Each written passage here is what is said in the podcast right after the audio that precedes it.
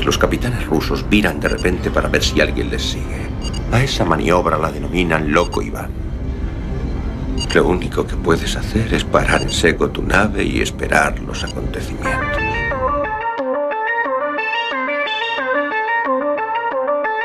Galasphere 347 of Space Patrol calling unidentified ship. Good night,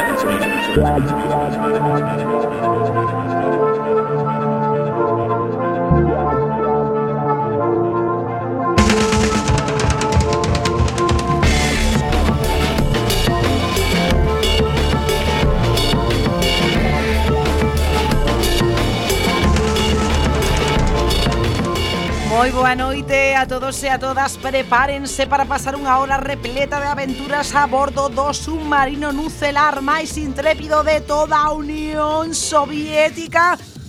Oxe falamos de trucos, de enganos, de magufadas, desas crenzas que son falsers Pero que moita xente cree que son certas. Por exemplo, chegamos algunha vez a Lúa? Mm, seguramente non.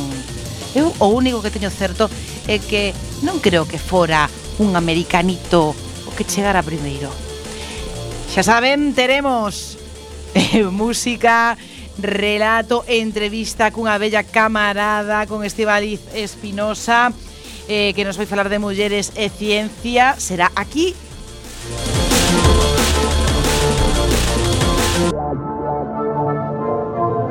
Please stand back. From the automated door and wait for the security officer to verify your identity. Before exiting the train, be sure to check your area for personal belongings. Eu non me perdería este programa porque de feito da parte do debate creo que se avecina algún tipo de discusión. E todo isto non sería posible se non tiveramos na sala de máquinas ao señor Búgalo. Moi boa noite, Serón Tibera, coma sempre, a miña esquerda, o pai de todas as esquerdas, o fillo de todas as esquerdas, se trata do xefe de torpedos, o camarada Lamelov. Boa noite, camarada. Serón Tibera, a malvada Tovaris Beosca. Se a terra fose plana, os gatos tirarían con todo. Eso é moita verdade Tamén o sabe, aínda que odio os gatos e eh, os animais cuadrúpedos en xeral, se trata do noso gran tovarix Esmendrellev. E de desmentir tal falacia. A min encantan os animais cuadrúpedos. Encantame o samón, encantan as costilliñas de cordeiro, encantame. Por favor, eh, saudamos a capitana Esbletano Ibarruri. Isto é Loco Iván, comezamos. Comezamos.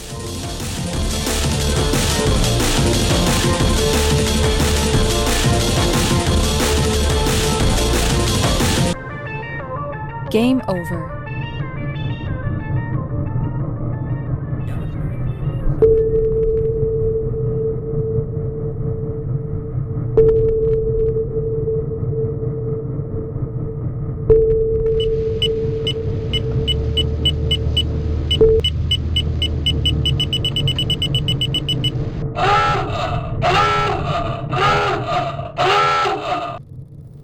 Antes de nada, son as 10 e 3 minutos da noite. Se nos estás escoitando en directo Se nos estás escoitando en diferido Pois pode ser calquera hora a que mellor te veña.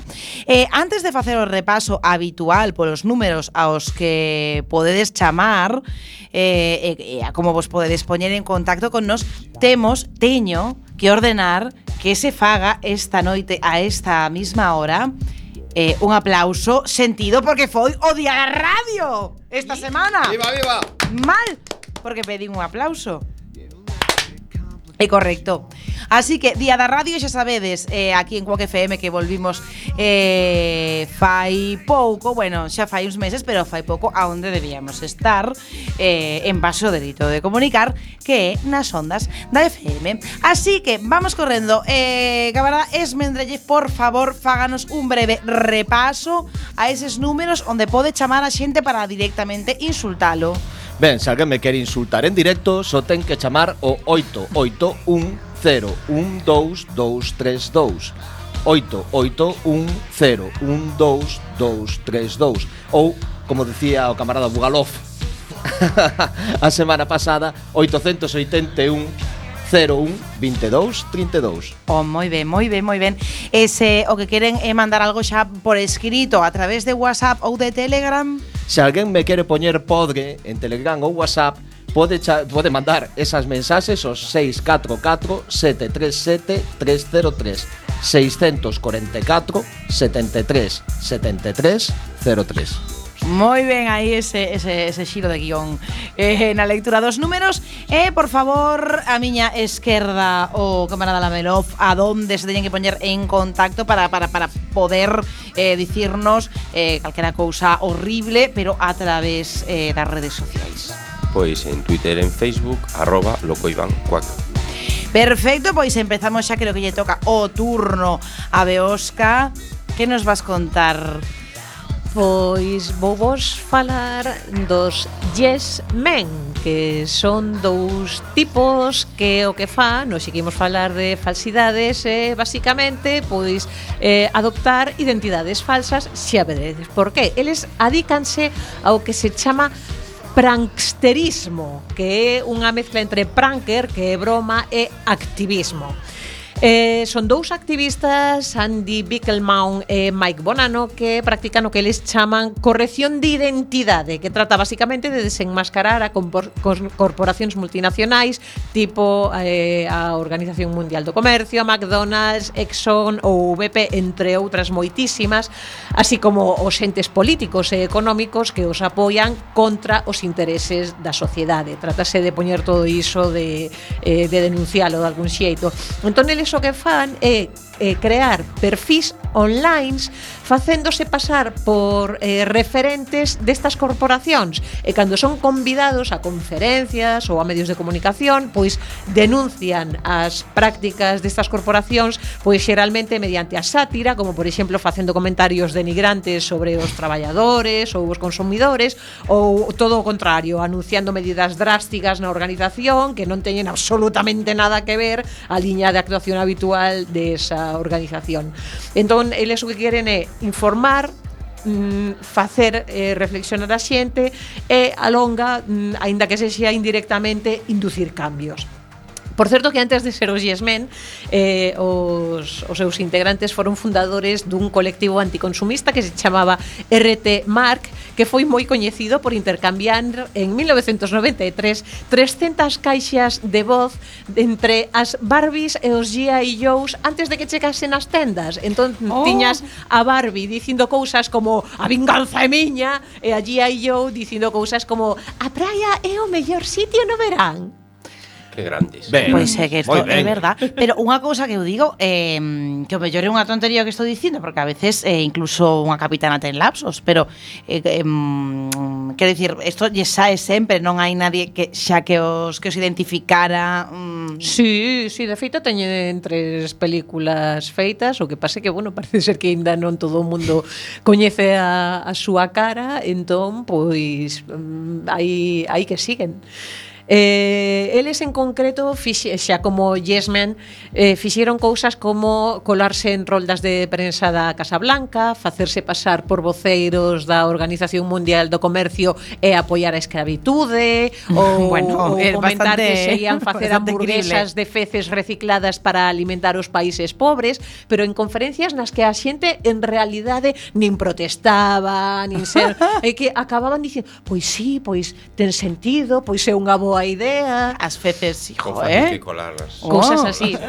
Unha das, das máis grandes que fixeron foi facerse pasar por un voceiro, por certo, que se autoapelidaba Finisterra, eh, que teóricamente era iso, un voceiro de Down Chemical que, por se non vos soa, foi responsable dunha fuga nunha fábrica de pesticidas en Bhopal, India, Home. que eh, matou a 20.000 persoas na máis e deixou a 600.000 persoas con secuelas na máis. Eh, a empresa pagou o país 470 millóns que foron, por suposto, pues, absolutamente eh, insuficientes na máis estos, para, eh? para cubrir todos os gastos médicos de persoas sí, sí. que eh. quedaron pois tocadas de por vida.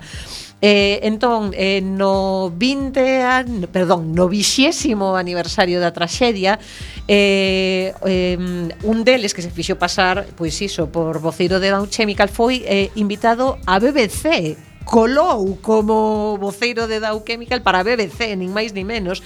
Entón, neste programa, eh, el anunciou que eh, Dow Chemical... Mm, recoñecía que sí, que en realidade a culpa era súa e que o diñeiro que puxeran que non era suficiente, entón que farían un fondo de 12.000 millóns de dólares para as vítimas. Hai que dicir que isto, eh, bueno, tardaron dúas horas en darse conta de que el realmente non era quen dicía, pero da igual, porque a bolsa reaccionou moito máis rápido que a eles. Así que claro. en 20 minutos, pois Down Chemical pegou un baixón na bolsa impresionante, eh, perdeu, bueno, perdeu de gañar eh, moitísimos cartos.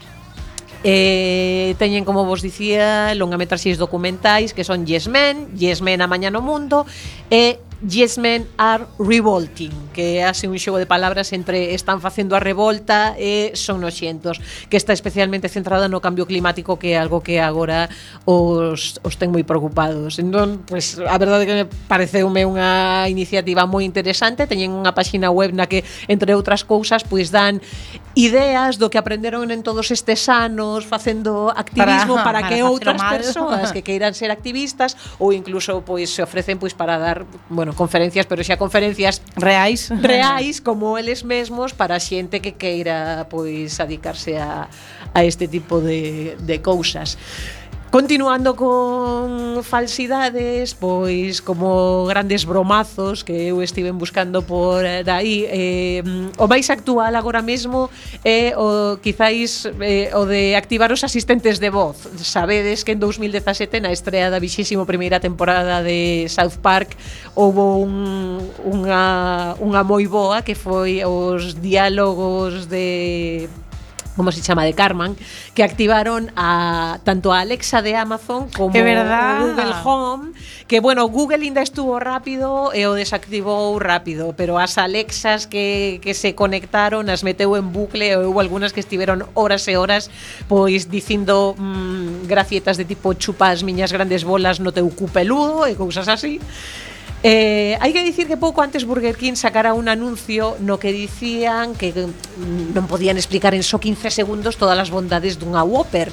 Entón, o do anuncio dicía, teño unha idea. E dicía, ok Google, que é unha Whopper? E claro, se tiñas o teléfono ou o Google Home acti activado, inmediatamente eh, empezaba a dicir, pois pues, a Whopper, eh, non sei que, non sei canto. Eh, E bueno, tiveron que retiralo porque non a bromiña non sentou moi ben. En canto a falsidades nos medios de comunicación, que tamén, bueno, máis que falsedades, porque falsedades hai tantas que non poderíamos meternos falsedades, tanto. eso sería eh, facer un eh, no. programa de fake news que, que de feito creo sí. que xa fixemos, mm. ou non o fixemos. Mm, creo que ainda non. Que Se non o fase... Non sei. O faremos. Fixemos algún programa. Eh, eh, tivemos unha entrevistamos a, a, unha, a unha xornalista, sí, sí, a Mercedes Cernadas, que nos veu a explicar un pouco a, a como detectar unha fake news. Sí, eh, e non, e eh, non... estivera Trump tamén. No, sí, sí, sí, sí, tamén entrevistamos. Pois neste caso busquei, digamos, falsidades que eran un pouco unha broma que ao final e a saber se que era broma, eh, chamoume especialmente a atención unha que se fixo o, o Día dos Tontos, que é o 1 de abril, que é o que máis se celebra no, no, no mundo anglosaxón, que, que na BBC, nun, bueno, nun programa de novas, de así un pouco de documental que se chamaba Panorama, que era un programa moi serio, moi famoso, Hombre, fixeron panorama. a que probablemente foi a que probablemente foi a primeira broma televisada deste tipo, fixeron a reportaxe de dous minutos e medio, moi serio coa súa musiquiña e todas as súas explicacións sociais e económicas e tal sobre a excelente colleita de espagueti no sur de Suiza grazas a un inverno inusualmente temperado e a erradicación do paratiseto dos espaguetis e veías as, as rapazas recollendo os espaguetis das árbores e tal e hubo centos de persoas que chamaron para saber como cultivar a súa árbore de espaguetis que a BBC Oy. moi cortésmente contestáballes poña un espagueti nunha lata de salsa de tomate e agarde o mellor. Eu tiven así varias árbores de espaguetis. Bueno, bueno, bueno. Eh, case que vou deixar que falen o resto dos meus compañeiros. Mm, bueno. Podería seguir e seguir, pero non é plan. Pois a ver, estou mirando aquí a, a escaleta xa que a temos hoxe e me, e, e, ven sendo que é la Melof, o camarada la Melof, que é quen nos vai falar eh, pois de de, de unha cousa que vostede ama e odia a vez. É decir, odia, pero a vez ama falar deso. De eso. Eu... Lle gusta. Non sí, me diga máis, camarada, seguro que ve cuarto milenio na intimidade. Non, non, público. Pois é moi divertido. Perdón, eu o vexo. Totalmente. Eh, eu teño que decir hai que coñecer o inimigo para que, poder no, combatilo. Eu vexo Cuarto Milenio. Aparte, Cuarto Milenio é un programa absolutamente científico onde todo o que din está 100% demostrado empíricamente. Outra cousa a destacar que me den conta outro día que se está mimetizando eh, e desto pouco se está falando en Cuarto Milenio, eh? E que Jiménez con eh, co señor este que cantaba mi carro, me lo robaron. Pues, é verdad, Escobar, se están mimetizando, están, che, están comer, comezando ahí, a converxer. Sí, unha conexión extrasensorial, seguro. Eh, Isto pode ser así. Bueno, pois pues eu quería falar, pois pues eso, que estamos falando de trampas, enganos, e bulos. Quero falar de magufadas, é dicir, desas chorradas máxicas que rulan como se foran reais e que moita xente cree si ou si por moitos feitos científicos que lles mostres, é dicir, é como negar a evidencia, non? deficiencia decía Chomsky que hoxe en día a xente xa non cree nin sequera nos feitos cando iso hai tempo pois era algo bastante eh, bueno, verosímil Así que vou falar pois, de algunhas das magufadas máis coñecidas, aínda que non sei se son as máis asuras, pero si sí algunhas das máis das que máis coñece a xente.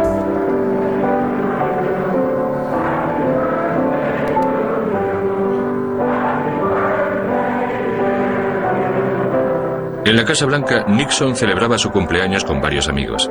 Por la noche, mientras cenaba con su mujer en un restaurante chino, le pasaron una nota informándole del fracaso de la operación.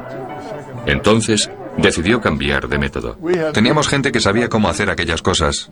Los presidentes, presionados por su cargo, tienen que hacer a veces muchas estupideces. Nixon bebía. No mucho, pero era una de esas personas que con una copa Ay, como yo. Pois, bueno, esta soa real, porque era un, un documental chamado Operación Lúa, que era un falso documental, ou documental ficción, ou un documentari, que era cale francesa arte, eh, que foi rodado no ano 2002 e eh, publicado, bueno, emitiuse no ano 2004. Foi dirixido polo director franco-tunecino William Carell En el narran, de xeito ficticio, como os estadounidenses fixeron unha montaxe sobre a viaxe do home á Lúa, partindo dun fío sobre a cámara e a película especial que fixera o gran Stanley Kubrick para poder rodar coa luz das velas na película Barry Lyndon, que foi posterior, pero que, bueno, dicían, no documental dicían como que puido usar esa técnica gracias a, pues, a outro seu traballo que fixo que fixo para, para a NASA. Eh, en realidade, digamos, todas as escenas da, da Lúa e no documental que foran rodadas polo propio Stanley Kubrick nun estudio e claro, como era un xenio e aparte naquela época tiña moitísima, moitísima fama pois claro que todo o mundo pois tragou porque estaba rodado con moito, con moito detalle. Para dar ademais máis credibilidade no documental saen eh, entrevistas eh, pues, eh, a personalidades como os infames secretarios de defensa de Estado Donald Rumsfeld e o criminal noxento Henry Kissinger e, e tamén o entonces director da CIA, Richard Helms, o astronauta Buzz Aldrin, Alexander Hay e a propia viva do director, Christian Kubrick. Realmente as entrevistas é dicir, estaban como sacadas de contexto, facían outro tipo de preguntas para logo na montaxe intentar que parecera que dicían... Claro, o sea, que, que tampouco eran entrevistas eh, falseadas, claro, de dicirse non... Estaban... non non Serón. estaban falseadas, e igual algunha podría que subir algo, pero a maioría non estaban falseadas, o que pasa é que preguntaban como se estiveran fal que, que foran a falar sí, no Watergate. Sí, sí, sí, sí, sí. Eu, no. Corta pega, había, corta pega. Había, había alguna Nomeadamente de Alexander Haig, que penso que ao final saía nas, nas tomas falsas tamén Alexander Haig dicindo, claro, porque os xiros que eran que como que imposibles de, de falsear, algún compinche tiñan que ter, porque claro. penso que fora este que, Creo que fora ademais este. de general fora secretario de Estado con Reagan se non eh, lembro mal. Ou de defensa. No, non el fora, se... estivera na, na CIA, fora director da CIA, creo. Pero... Non eh, sei se eh, logo fora secretario eh, mirar, de Estado. Pero bueno, que estaba, igual sí que estaba compinchado, pero de todos os xeitos, o rollo que as entrevistas a facían en plan pues, para outra cousa, non? Kissinger, por exemplo, hmm. non sabía nada do, do rollo, entón o que contan, logo curtan, a parte que non interesa, céntranse nos no, bueno, no meollo, entón parece que, que a cousa eh, bueno, eh, falando de Watergate, a verdade é que un escándalo ali, digamos, internacional case, aquí nos daría risa, un escándalo Watergate, tendo conta o que pasa, que pensei que aquí, aquí non, non pasaría, pasaría nada, porque realmente nada. non chegaría, creo que, que, que os xornalistas xa non o verían noticioso, non? De, bueno, bueno, Ademais, ninguén se enteraría porque estaría todo Dios vendo a Isla das Tentacións e sálvame isto, e, e eh, non lle soportaría. Bueno, o caso que despois cando remata o documental aclarase que todo unha broma, como dicía o camarada Bugalao, pois pues, hai eh, tomas falsas onde se ve a reacción da xente cando lle digo que estaban facendo realmente bueno, a xente maioría toma toma bastante ben, creo que Kissinger non votaba moi ben e eh, bombardeou o de Francia, pero eh, digamos que en xeral o tomaron ben. Antes que falar así dun premio Nobel da Paz ou nominado premio Nobel da Paz, camarada. Sí, sí, eso. Mira, eh, Kissinger, eh, George Bush, Nobel, grandes máis increíbles, máis increíbles. Teñenlle dado o Nobel da Paz a cada peixe tamén, eh. Sí, sí, a cada cabrón. A ver, eh, vamos, en fin, a propio Obama, pero este Kissinger era ainda peor. Bueno, como guiño aos xareiros de Kubrick, algúns personaxes no documental teñen nomes pois, de, de personaxes de películas, como Dimitri Mofley, que ha sumado os nomes dos presidentes ruso e estadounidense en Doctor Strangelove, é dicir, a de Teléfono Vermello, eh, David ah. Bowman, de 2001, a Disa no Espacio, Jack Torrance, que era do Resplandor, e tamén fai algunhas referencias a... Jack pues, Torrance, por favor.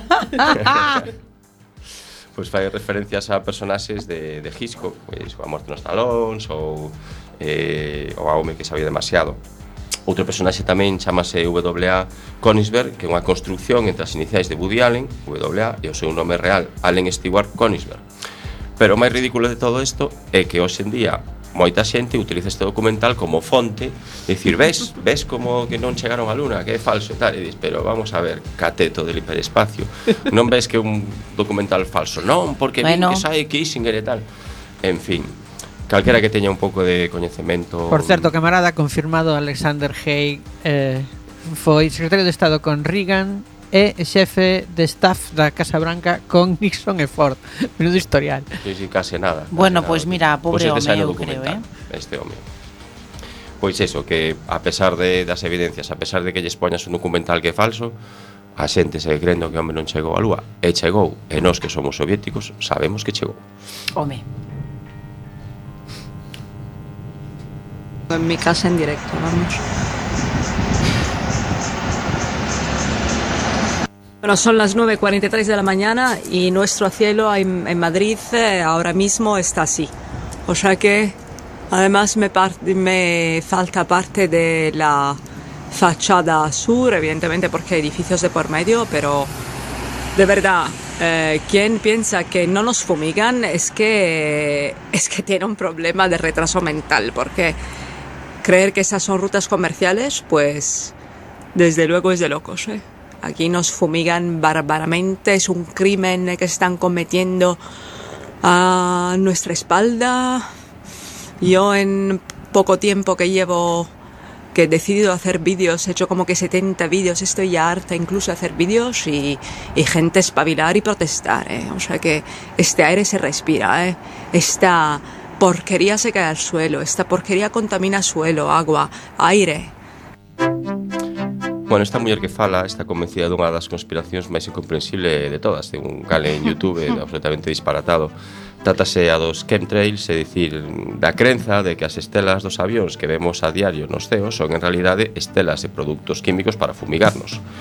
Non é pola combustión, nin a condensación, nin altitude, nin cambios de presión, nin humidade, nin nin nada, son nin demais fenómenos que influen pois pues, nestas estelas. Nos fumigan e ademais de 10.000 metros de altura, o cual é super rendible, claro, porque ti soltas aí liquidillos a 10.000 metros super eficaz. E, e caen, vamos, super Van caer xusto onde ti queras. Xusto onde ti queras, claro. O descoñecemento científico desta xente é sideral, pero ademais teñen esa prepotencia como escoitamos de ignorar, ademais de calquera evidencia científica, de insultar a que lles di, mira, pero tía, vai tomar algo de droga, pero deixa no. Quede retrasado, ya está bien. ten, ten algún vídeo tamén que incluso chega, chega a chamar a policía e dicir, mira, quero denunciar que nos están fumigando. E claro, bueno. o, o policía dicindo, eh, perdón, señora, señora, cúbrase. Solte, solteme do brazo, señora. Pues, non a coñezo de nada, díseme en paz. É que é tremendo. Bueno, mesturan medias verdades coas súas fallas mentais, é dicir, obviamente os avións contaminan, como contamina un coche, como contamina unha moto porque produce combustión. Home, máis, máis. Que... claro, pero me que que contamina moito máis porque consume moitísimo máis, obviamente.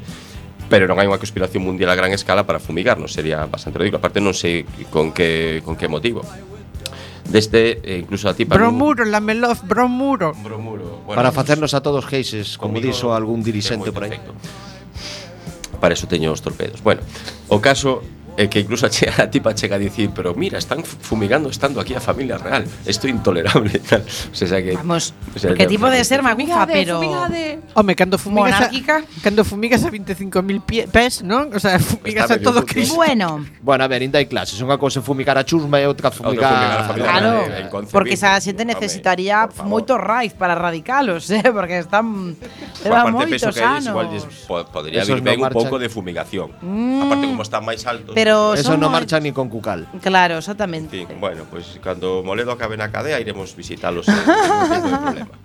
Pero o rollo desta tontería dos chemtrails Quen é, que, que, eh, que non é só unha non é só unha, unha tipa que está que está taladrada, é, é que está super extendido, pero hai moitísima xente, sí, se sí, sí, en YouTube, por internet e tal, de xente que está totalmente convencida, pero incluso xente que igual é máis está máis máis preto do que do que pensamos, non? Incluso alguna Eu creo que non tanto a mellor eh xusto tal, pero o sea, quero dicir as estelas, pero sí un montón de xente que di, bueno, no, pero sí, algo non, pero, fumigan, pero algo, algo fumiga, hay, porque algo hai, aquí sí. tiña estas estes tomates que me sacan. Eh, a ver, porque fumigarse fumígase, sí, igual que, que se fai isto de sementar nubes, por exemplo, eh, cando hai secas importantes.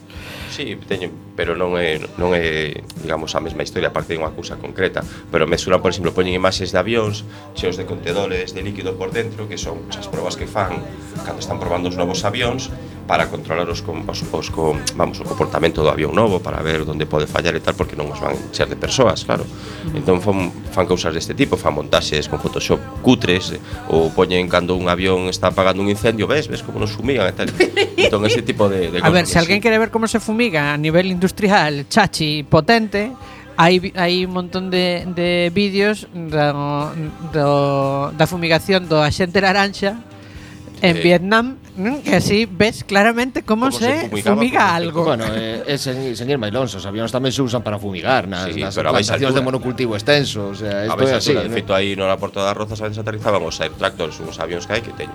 Claro, pero tampouco é noticia, quero dicir, o no. rollo este, sin embargo, o do, o do xente laranxa está super documentado. Claro, e aparte non era a gran altura, era bastante baixo tamén, claro. no? porque senón non tería, non tería efecto. Claro, non se dispersa, claro. Pero bueno, xa digo, mes, mes, eh, mesturan este tipo de cousas que, bueno, que poden ter unha media verdade, porque hai avións que voan, hai avións que fumigan, pero non, digamos, esta conspiración mundial, además imaginade o nivel de conspiranollamiento. Bueno, eso quería aceptar brevemente algunhas mm, digamos, eh, magufadas que se atopan por aí, que tamén son coñecidas, como por exemplo o Reiki, que din que pode curar pola imposición de mans, é dicir, sen tocarte vale, porque unha boa hostia igual pode curar algo, pero unha imposición de mans así sen tocar bueno, a tontería. Bueno, a ver, vamos a dicir unha cousa, que eu como capitana O sea, eu se vos impoño as mans dunha, dunha sí, pero vostede, eu podería é tipo de imposición de, vamos, de hostia bien que é diferente. De Eso feito. Pode curar e poñernos a todos no seu sitio. Eso pero tamén. Pero lei que sería sen tocar. Logo vale. tamén podo, eh, eh, teño, sabes, eu que si, sí, imagínate, Brad Pitt, eu lle impoño a man. Eh, eh, probablemente cura vostede. Igual é. Claro. Bueno, eh... eu, eu coñezo xente que fai reiki inverso, que fai así un aceno co dedo índice ah, e, e eh, ah. ti é como que glups e, e enfermas. Enfermas, sí, sí, eso é certo. É un partido por reiki. Que por certo que había unha rapaza, non me lembro o nome que de, demostrou que era falso do reiki e tal, facendo unha proba, unha rapaza de 13 anos ou ou así que demostrou cunha proba moi sinxela de que realmente non, non funcionaba isto do reque, pero bueno, digamos que fala de enerxía universal para te De todas formas, todo, todo, todas as persoas que, mm, que queran chamar para para insultar a, a la melope de traballadores de Reiki e así, pois, que chamen, eh, claro, poden que facelo, poden facelo. sobre todo que traian droga, que traian Fumigadores da droga porque- CIA. Claro, tamén. De todas esas persoas que se están sentindo moi moi moi violentadas poden chamar. Penso bueno. que o único colectivo que ainda non ofendemos no programa foi os fresadores torneiros, pero bueno, todo chegará. tempo.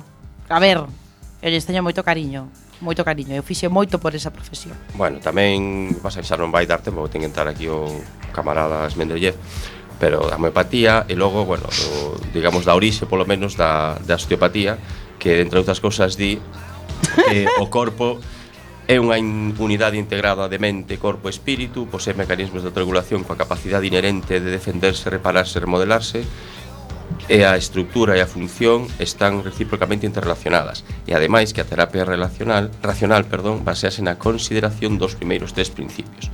En fin, camarada Esmendrellev de allí.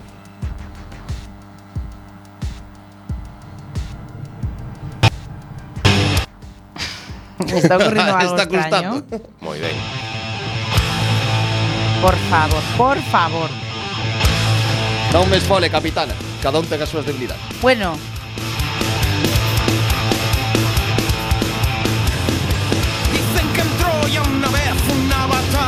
A ver, non hai nadie o sea, eu son heavy que, que el viento, pero Tierra Santa eh, Bueno, bueno. Miguel. Comencemos logo, comencemos.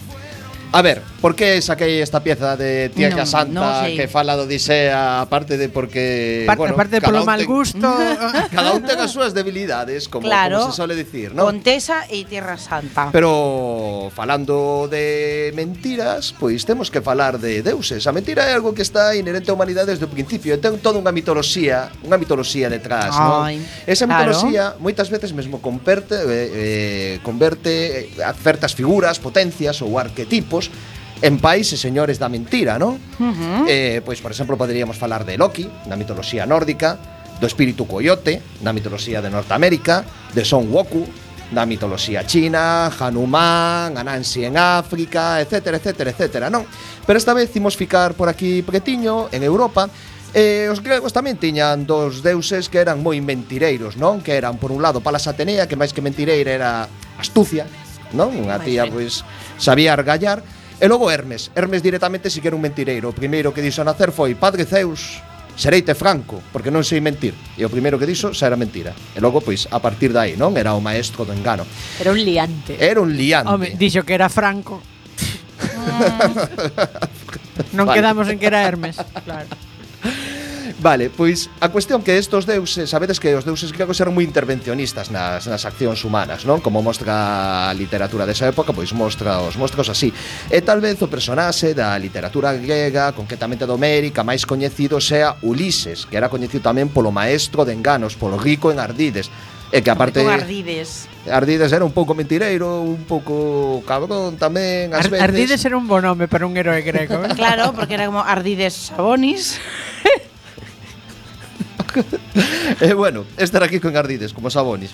Eh, a cuestión que si ten unha curiosidade, non este este héroe grego, que é o primeiro que pasa dos deuses. É dicir, é o primeiro home que pode conseguir a inmortalidade na mitoloxía grega, e pasa olímpicamente, deis aí a deusa Calipso e tamén a ninfa Calipso e a deusa Circe, aí bolas compoñades, eu marcho para a miña casa que teño cousas, marcho que teño que marchar. Porque era vegano moi vegano Igual é dicir moito, xa, eso O que sí que, eu penso que máis ben que comía de todo, non? Estos que eran moito de comer carne e peixe e todo eso.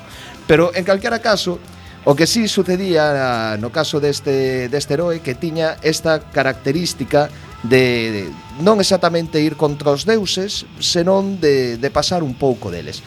Ben, pois agora vou falar de Javier Negrete. Javier Negrete é un escritor de fantasía e ciencia ficción, nado en Madrid en 1969, é profesor de grego eh, no instituto, gustalle o tema clásico, e escribiu moitísimo sobre todo estes dous temas, fantasía e ciencia, ciencia ficción, no? pero sou especializado sobre todo eh, o tema o tema grego e a mitoloxía. En 2019 sacou unha novela fantástica que se chama Odisea, e que está basado pois, no poema épico de Homero do século VII antes de Cristo.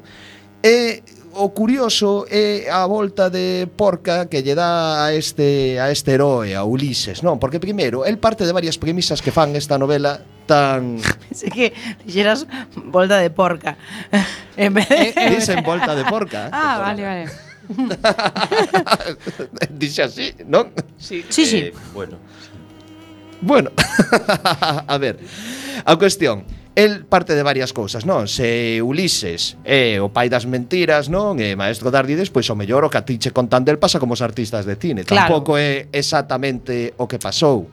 Segundo, unha cousa que ten maravillosa a novela deste home é que, claro, un lee as novelas homéricas e parece super normal que de pronto veña un deus que te posea e que che fale na mente e que todas estas cousas, non? Pero el pono de tal maneira na novela Escribe tan ben que te das conta de como se debía de sentir unha persona que se dá conta que os seus pensamentos son seguidos desde que nace hasta que morre polos deuses e que eles poden obligarlle a facer calquera cousa en calquer momento. Hmm que eso leva unha psicosis continua da, claro, das personas. É como non? tes intestino submarino bueno. ante a miña vigilancia absoluta. pero eu eu amo tanto o eran, teu eran poder. Peores, eran verdad. peores os de Prachen no mundo disco que cheían petar na casa, se facías na porta da casa e logo É verdad. Eh? Bueno, isto isto será algo parecido. Eh, pero eu amo o teu poder omnimo do capitana. Eu Gracias. sempre que nunca estaría disgusto contigo. No. E, sobre todo, outra cousa maravillosa que ten nesta historia alternativa de Ulises a que non se contou, que onde se manifestan os seus máis ocultos desesos entre eles, gañarlle un pulso coa súa astucia aos mesmos deuses, é que este home escribe tan tan ben esa novela que en ningún momento sabes se estás lendo ciencia ficción ou fantasía. De feito, é algo que me encanta porque eu o que intriga ao largo de toda a novela, porque tal como te describe as accións dos deuses, descríbetes de tal fame, eh, de forma como cur, mesmo o vocabulario que utilizan para falar das súas capas místicas de invisibilidade, como cruzan o espacio-tempo, cambian de dimensións, pois poderíamos falar de potencia, de unha clase de potencia alienígena que realmente tiña ese, ese poder, Ay, non? Entón, pois nada, que é unha novela absolutamente recomendable e pouco máis, quería decir. Que aleades, que Javier Negrete é un grande e paga pena.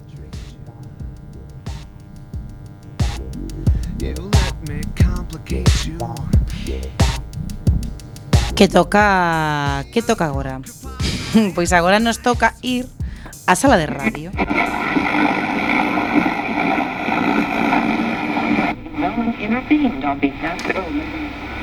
Querido señor Bugalov, está por aí?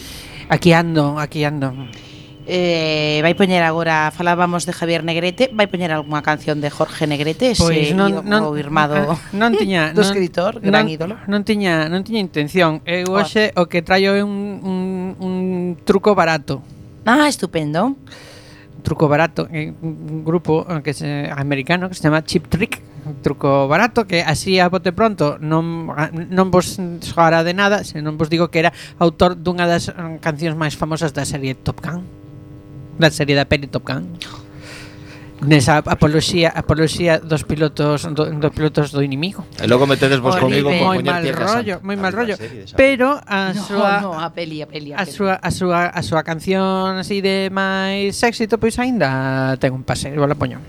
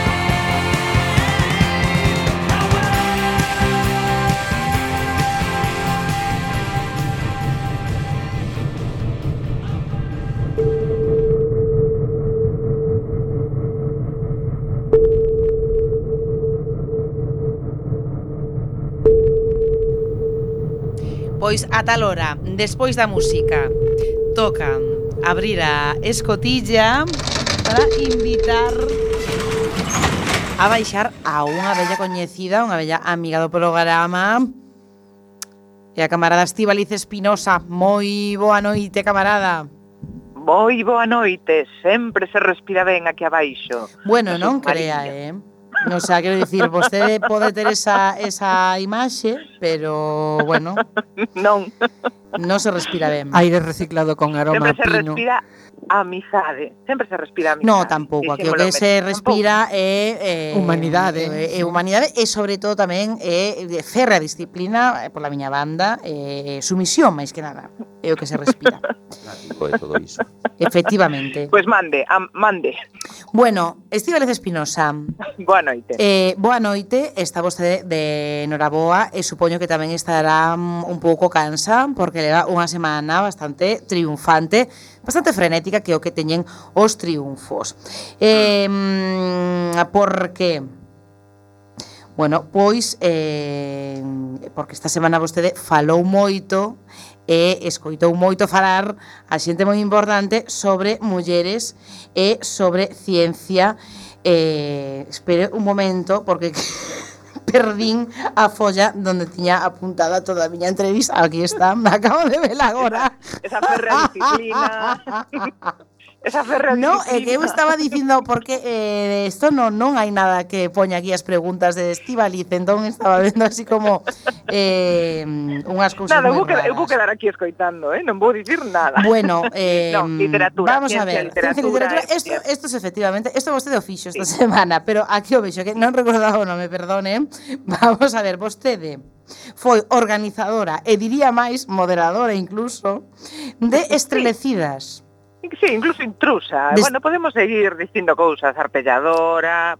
Estrelecidas, sí. que estrelators Estrelecidas. en, en outros en outros idiomas e sí. eh, un programa de actividades que tuvo lugar esta semana nos Museos Científicos Coruñeses E, efectivamente, como eu recordaba ao principio desta, desta, desta entrevista, vostede falaba de muller e ciencia Estíbaliz Espinosa, díganos vostede por que a día de hoxe todavía segue sendo noticia ou seguimos analizando a invisibilización da muller na ciencia. Pois, eh, sí, a verdade é unha boa pregunta. Por que a día de hoxe? Pois, supoño que porque mm, facer as cousas leva moito tempo, sobre todo cambiar ideas, e cambiar rutinas, e cambiar costumes eh, que están moi arraigadas no tempo e na, e na cabeza, na cabeciña, pois tarda, tarda o seu tempo e de alguna maneira isto é cambiar tamén unha perspectiva, é cambiar un punto de vista e iso, pois, temos que ir a modiño ás veces temos tamén que meter un pouco de presa. Eh, creo que a súa férrea disciplina tampouco iría mal, pero, pero bueno, eh, este tipo de cousas pretenden achegar un grande área, este tipo de iniciativas como estrelecidas, quero dicir, pretende achegar un grande área pois a, a, a ese campo, non a esa a ese labor que é pois comunicar ciencia e literatura eh, tamén cunha ollada de, de muller. Por iso tivo unha presencia importante nas tres sesións estrelecidas que, como ben dixeches camarada ou dixo bona, bona tratar de vostede. Bueno, por acaso. me gusta máis, sí, sí, ese, sí. ese tratamento como dixo a camarada estre, estrelecidas ou estrelecidova en, San, en, en Leningrado pois hmm. sería eh, foi na Domus diante da cal me atopo neste mismo momento vendo por certo a constelación de Orión e Betelgeuse, esa estrela que se apaga e vai volver a brillar. Fíjate que, fixadevos que, que, que momento. Que momento, pois, eh, pues, ten frío agora mesmo? Non, non, non, non, non. estáse moi ben, estáse moi eh, ben. Lástima, realmente. lástima que volver a romper a maxia da radio, porque... No estou, estou, nun, estou nun submarino, claro. claro, pero ao mesmo tempo, coa miña imaginación, estou fora da Domus vendo Betelxeuse. Ah, bueno, bueno. E que foi mm. o último o último que vin cando saín da Domus. Ai, non eh, os museos científicos mm, brindáronnos este, pues esta casa estupenda, eh, para celebrar estas tres sesións eh, de lunáticas o primeiro día, descerebradas, eh, bueno, o primeiro día foi o martes, que coincidiu co Día da Muller e a Nena na Ciencia, 11 de febreiro, descerebradas, eh, que foi o 13 de de onte, o, o 13 de febreiro, xoves, e hoxe, 14 de febreiro, o Día do Amor, eh, pois rematamos agora con lingoreteiras, e eh, bueno, eh, con retranca todos estes nomes, claro, eh, todas esas mentes que algunha vez por seren inquietas ou adiantarse o seu tempo ou rachar con certos moldes, pois foron tildadas de lunáticas, de descerebradas ou de lingoreteiras, como metáforas para falar pois da muller na lúa no primeiro día, eh, do cerebro eh, da muller e do home, e de, bueno, de certos prexuizos que aínda en ciencia eh, eh, e tamén na literatura seguen imperando non sobre sobre certas condicións e características pois tanto de mulleres como de homes, e hoxe pois, coa escrita e a publicación de ciencia tanto en Galicia como en España con, con con dúas persoas que escriben eh, eh, divulgación e comunicación científica. Mire, eh, na primeira xornada que foi Mulleres na, na Lúa, eh, estivo Laura, Laura Morrón, eh, temos que destacar, eh, neste caso, eh, temos que destacar porque sabe que, que un, unha persoa moi querida aquí no submarino, eh, que Borja Tosar, que, que o noso segundo divulgador favorito despois de despois de vostede. Eh, no, el, el ten que ser o primeiro, eu non son divulgadora. Eu bueno, pois pues é verdad, é verdad. eh, pero... Eh, artelladora, mira, sí. artelladora vaime máis. Isto, o primeiro que dixe. A ver, realmente é porque como está aquí agora vostede, pois eu non lle vou facer ese ese feo porque ante todo son capitana de Ferre, pero pero vamos, moi agradable. Son persona. Son, son persona. persona ante todo. Eh, Teño que marchar de feito agora mesmo do submarino, bueno, agora mesmo non, por suposto, cando, cando Home, a ver, esta agradabilísima conversa para sí. falar con Borja eh, que estará encantado de, de, de escoitar todo o que me está vostede comentando. Home, vamos, iso eu digo eu que sí. Mire, pero falenos un pouco das mulleres na, das mulleres na lúa. Uh -huh. A Muller na Lúa foi, bueno, Lunáticas ou a Muller na Lúa, segundo a ciencia, o cine e eh, a literatura, foi a primeira das convocatorias, a primeira das charlas, eh, celebrouse, pois, como xa dixen, na Domus a 8 e media, o, o día 11 de febreiro, e nela Eh, veu Laura Morrón, dende Sevilla, é unha das editoras de Next, bueno, a directora da editorial eh, Next Door Publisher, que é unha editorial eh, especializada en ciencia, humanidades, filosofía, eh, eh, tocan moitos paus, non? Toca moitos temas, arte, pero sempre bueno, coa ciencia, non? Como, como emblema.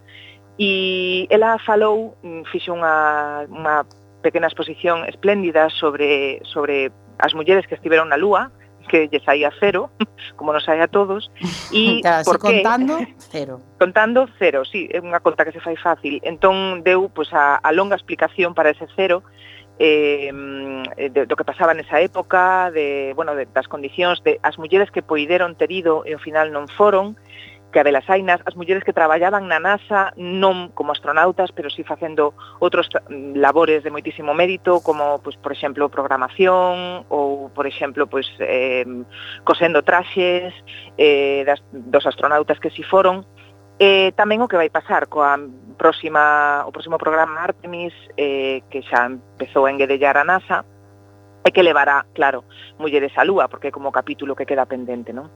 Claro. E Borja Tosar, pola súa banda, pois fixo tamén unha brillante exposición, como nos ten xa acostumados en, en todas as súas intervencións, sobre a muller na carreira espacial dende o punto de vista de, do cine e de algunhas series. E repasou así pois moitas obras que mm, pois que falan eh, que teñen como protagonistas a mulleres, dende Die Frau am Mond, bueno, Frau in Mond, que é unha película de Fritz Lang moi uh -huh. descoñecida do ano 29, eh, de 1929, eh, que é unha ciencia ficción, a verdade, peculiar, peculiar porque cando chega, bueno, non, non quero destripala nin facer un spoiler, pero tendes que ver o momento cando chegan á lúa o que fan, o primeiro que fan cando cando supostamente chegan á lúa. E despois eh, outras películas como Contact ou como Elexidos para a Gloria ou como series como Star, como Star Trek eh, e a visión da muller que daban no seu momento co un dos primeiros bicos interraciais que foi o primeiro que casi de Uhura uh -huh. e, e, o, e, Kirk. e o Capitán Kirk. Claro. Vostede sabe moito diso, como capitana tamén sabe moito de bicos interraciais. Oh, bueno, vamos, pero interraciais, intergalácticos, claro. eh, inter, vamos, interzona, interzonais, sobre todo. Eso, ben. pero está ben. Pois pues nada, xa non Eh, non, non, non, máis pregunta eh, eh, apartamos un momento este, este tema sexual eh, eh, e vayamos á literatura porque ademais xa que atemos a vostede aquí eh, falaba antes que era unha das eh, eh, unha das preguntas que tiña que, eh, que me gustaba facer e que tiña aquí apuntada e que xa antes vostede deslizaba un pouco que eh, falando de ciencia pero sobre todo tamén falando de falando de falando de palabras. Eh, sí.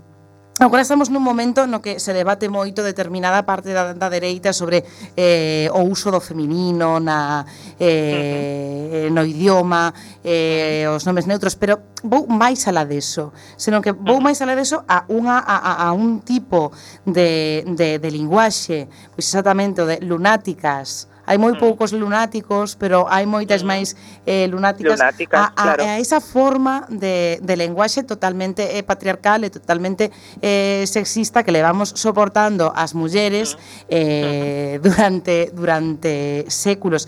Cree que eso, eso mm-hmm. se mantén todavía? Sí, claro, Sí, igual que a histeria, non? As histéricas Efectivamente. Pues, sempre é atribuído a muller, porque de feito pois ísteron era a palabra grega para útero, entón se pensaba que calquera cousa que lle pasaba a unha muller así un pouco rara, que, que podía ser simplemente síndrome premenstrual, por exemplo, pois era pois, unha condición de histérica. Eh, todo iso segue pesando moito, porque as palabras parece que non, parece que como as usamos todos os días son como cousas que se erosionan e se gastan e total eh, serven para comunicar e nada máis, pero non, tamén serven para configurar a, no, a nosa maneira de pensar. Eh, o peso das palabras ás veces é máis importante do que parece, que eu creo que sempre é moi importante. E, mm, e por iso a elección non destas estrelecidas, eh, que un, fala desas mentes que estrelecen, que é un verbo so galego, que significa como a ver aparecer estrelas, que algo que aquí na cidade é un, é un pouco extraño, bueno, na superficie, quero dicir, non? Para o submarino é eh, complicado eh, ver aparecer estrelas porque normalmente pues, hai demasiada luz. Eh, da mesma maneira hai unha invisibilidade tamén con moitas das grandes mentes que foron femininas e que durante moito tempo, pues, como se viu na segunda sesión en Descerebradas, foron consideradas intelectualmente inferiores ao home, dicir, con menos capacidades cognitivas. E hai tratados sesudos científicos asinados por persoeiros tan coñecidos como repasou Marilar Alexandre ou Castro Ribadulla ou Joana Magallanes, os tres convidados a descerebradas, por persoeiros tan coñecidos pois como o doutor Marañón ou como mm, Novoa Santos, un médico tamén de moito de moita zona, ou como Darwin, que sostiñan pois que a muller era intelectualmente inferior ao home, que, bueno, que se tiña que dedicar o que se tiña que dedicar e que Mm, xa estaba, non? Que, e que había probas, ademais, en algúns casos chegaron a extremos de dicir, bueno, pois pues esta é unha evidencia eh, científica no, no seu cerebro de que teñen pois, pues, menos capacidades, porque o cerebro da muller é lixeramente máis pequeno que o do home, pero iso non ten nada que ver coas capacidades cognitivas, como xa sabemos. De feito, o cerebro de Einstein era tamén lixeramente inferior ao da media. Uh eh, xa sabemos que, bueno, non era intelectualmente inferior a, a media, non o contrario. Así que, en fin, todos eses tópicos e estereotipos moitas veces tamén dende o lado da ciencia serviron para reforzarse, para reforzar estereotipos eh, pues, machistas, non? E que apartaban a muller pois, do camiño do, do coñecemento ou da, simplemente da expresión escrita, non? Pois, Estivaliz Espinosa, moitísimas gracias. Nos quedan xa moi pouquiños minutos para, para rematar o programa. A vostede a deixamos sair o exterior. Moitísimas gracias por, por traer esta reflexión que creo que é super, super necesaria e eh, super necesaria tamén é, é o traballo que, que fai vostede, inda que diga que non é unha divulgadora científica, pois eh, sendo unha artelladora Eh, así que Estivaliz Espirosa, artelladora, eh, pode sair do submarino, pero xa sabe que, que a chamaremos enseguida. Por favor, chamádeme, estou sempre encantada de vir aquí a respirar férrea disciplina. Moitas Eso grazas, así. camaradas. Ata logo, moi boa noite. Ata logo e boa noite.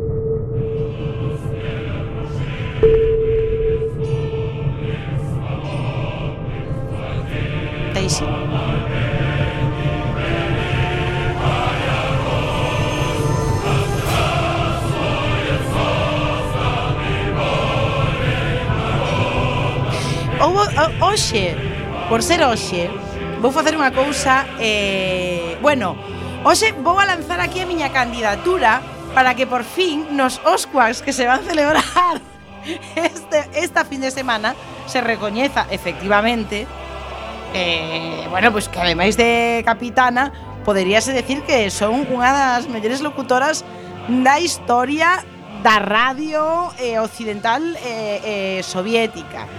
Eh, o ano anterior, o anterior ano, veño, sufrín, vamos, o que se chamaría, pois non sei, o que fixo Bruto, con Julio César, pois eso fixo comigo Beosca.